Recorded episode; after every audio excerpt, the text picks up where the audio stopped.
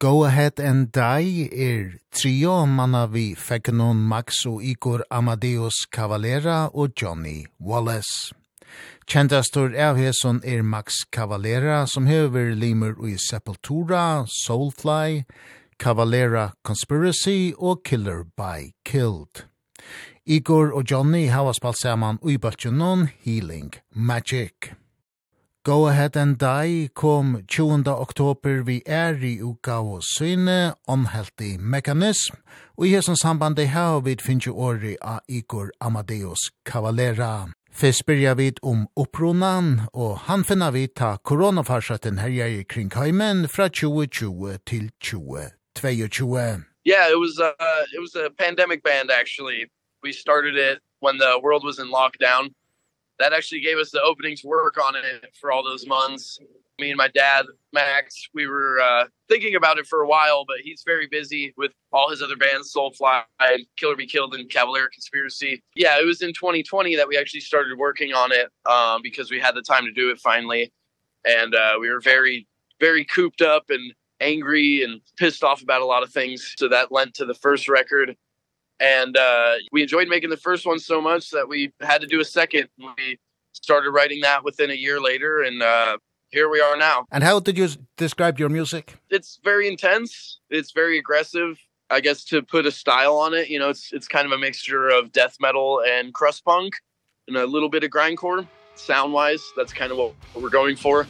Um but yeah you know it's very very fast very upbeat uh very very raw guitars and raw vocals and uh we really put our all into this new record. We uh we really pushed our boundaries and pushed our limits and came up with some crazy sounds.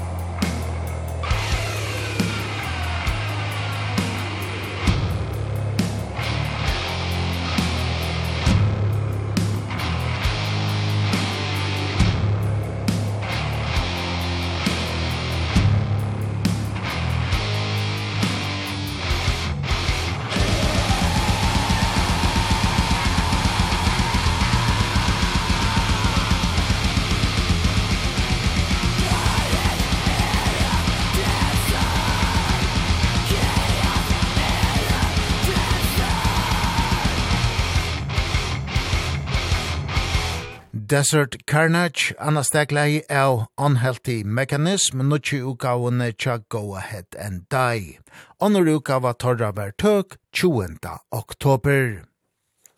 Sjálvnevnda debutgavan Tja Go Ahead and Die var utgiven i 2021 ta korona herjaje, og ta var òsni en særlig oppleving av leta tjónløk ur håndon, og ikkje hava møvelaika at spela live, grøyershankaren og gitarløykaren Igor Amadeus Cavalera fra. It was strange. Uh, it was definitely, it, it was, that was the first time for me. Any other album I've done, we've been on the road and we've been promoting it with shows and things like that. So yeah, go ahead and I was was a bit different because of that. When the album came out, there was still uh barely any concerts happening, uh still lockdowns in a lot of countries and a lot of places. The band has actually only done one show live uh ever. It was a little weird. It was one of those things it was like is this could go really good or could go really bad. We don't we don't know what's going to happen, but thankfully I think because so many people were in lockdown they were looking for new music and uh keeping their eyes open for new stuff. So it actually it went over a lot better than I expected.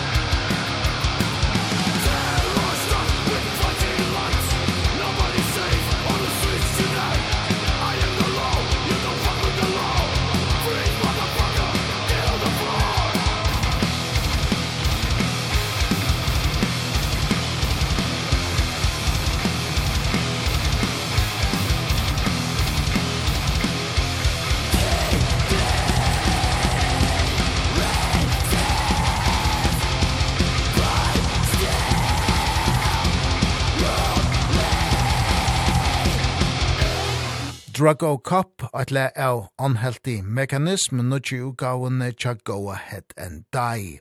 Ånder utgava torra vertøk 20. oktober. Vit tosa ui kvöld vi Igor Amadeus Cavalera, sankaran og gitarleikaran ui just Go Ahead and Die. And, and when did the process start working on this new album? Um, I started in uh, 2022, probably at the start of the year.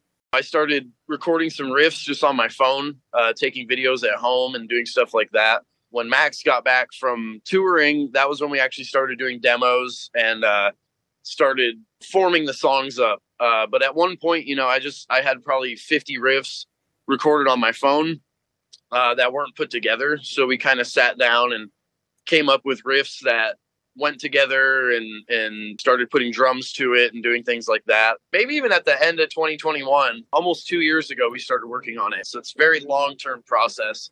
And Johnny Wallace is is new on on drums. Uh, where did you find him and uh, how do you describe him as a drummer? Uh he's actually a very good friend of mine. Um we we've played music before. We're actually uh we're in a band called Healing Magic as well. I've known him for quite a few years now. I've known him for 5 or 6 years. And uh he's a great drummer and a very good dude and uh yeah his style is very rooted in the death metal and crust punk DB kind of stuff. Um so he was perfect for this album. It was right up right up his style. And uh he's a power player. He hits very very hard. Um not a lot of technicality which I like personally. I I like drummers that know how to swing and stay in the pocket and he's he's very good at that. So yeah, it was a it was a pleasure to work with him and and as I mentioned earlier, he's one of my best friends, so the chemistry between all of us was was perfect honestly.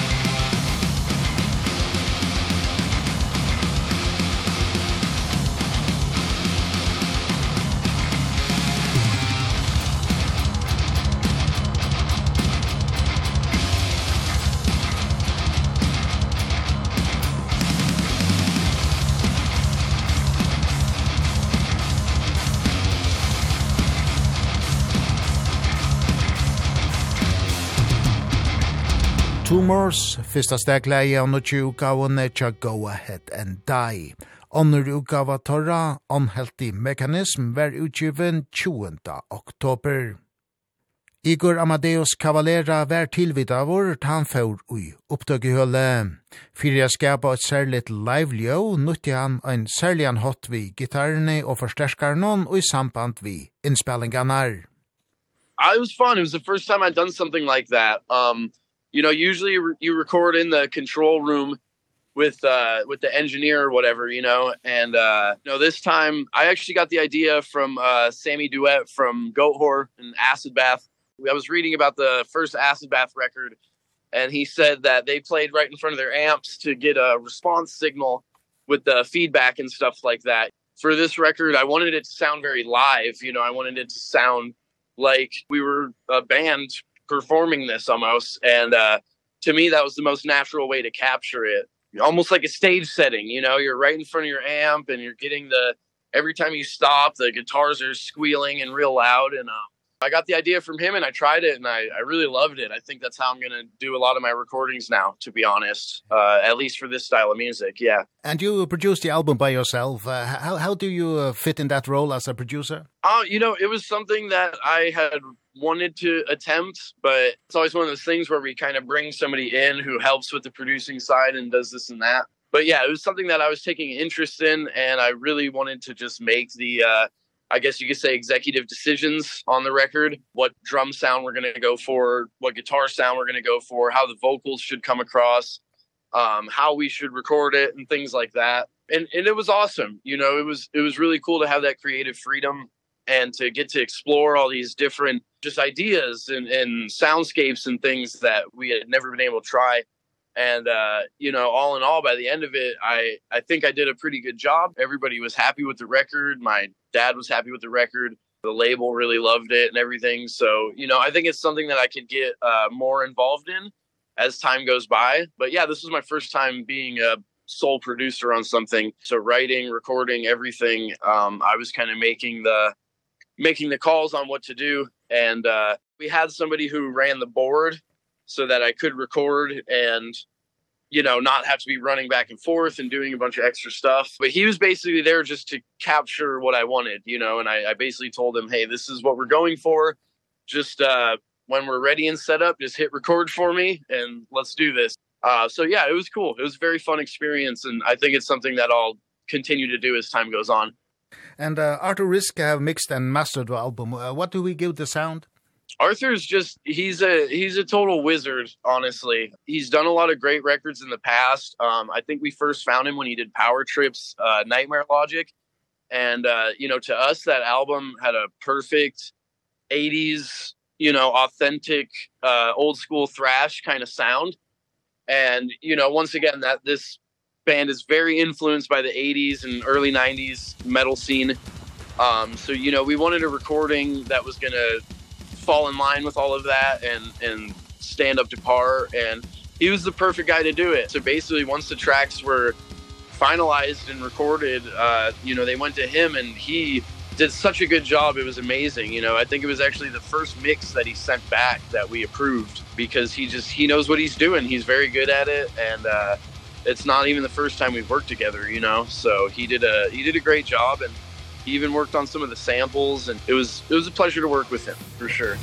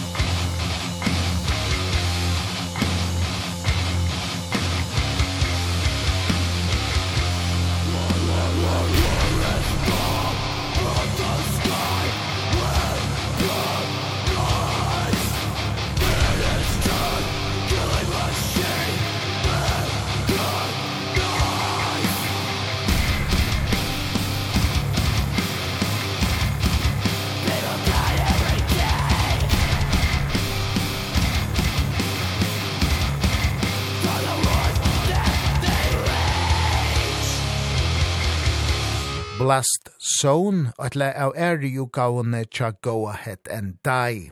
Anheltig mekanism var utgiven 20. oktober. Ta er Igor Amadeus Cavalera som hever skriva tekstene av Anheltig mekanism, og tar vidtjera i ståra mon salar, halså. Yeah, it was a it was a mixture of personal things I was going through, um things I would read about in the news and in the papers and stuff like that, read online. I guess to me it was just the the more time that goes on the worse that people's mental health is becoming with higher rent, less pay, more homelessness, more suicide, more horrible things, wars, things like that happening out there. It's, becoming difficult to stay positive sometimes. This album was sort of an outlet for me to talk about those things and talk about those feelings and you know dive into everything from aggression to depression to anxiety and fear and everything in between. So that was very important to me because I think the lyrics matter and I think the message that you're putting out there really matters and uh I wanted to write about something that was was current and going on right now and personally I I know people who have committed suicide in the last few years. I know people who have overdosed uh been through been through hell and back and some of them are here, some of them aren't here and this was kind of a way for me to to talk about that, to dive into it and hit on some of those dark topics. And uh I I'm really proud with it, you know. There's a lot of authentic feelings on there.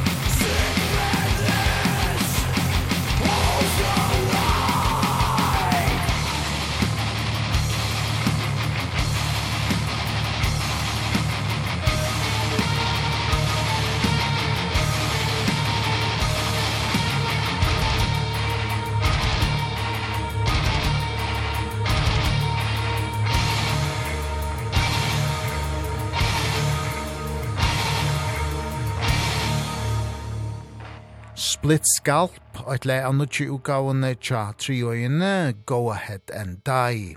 Onnur utgava torra, onhelti mekanism, ver utgiven 20. oktober. Gjester ui i Ragnarok i kvöld er Igor Amadeus Cavalera, gitarlaugaren og sangaren ui Go Ahead and Die.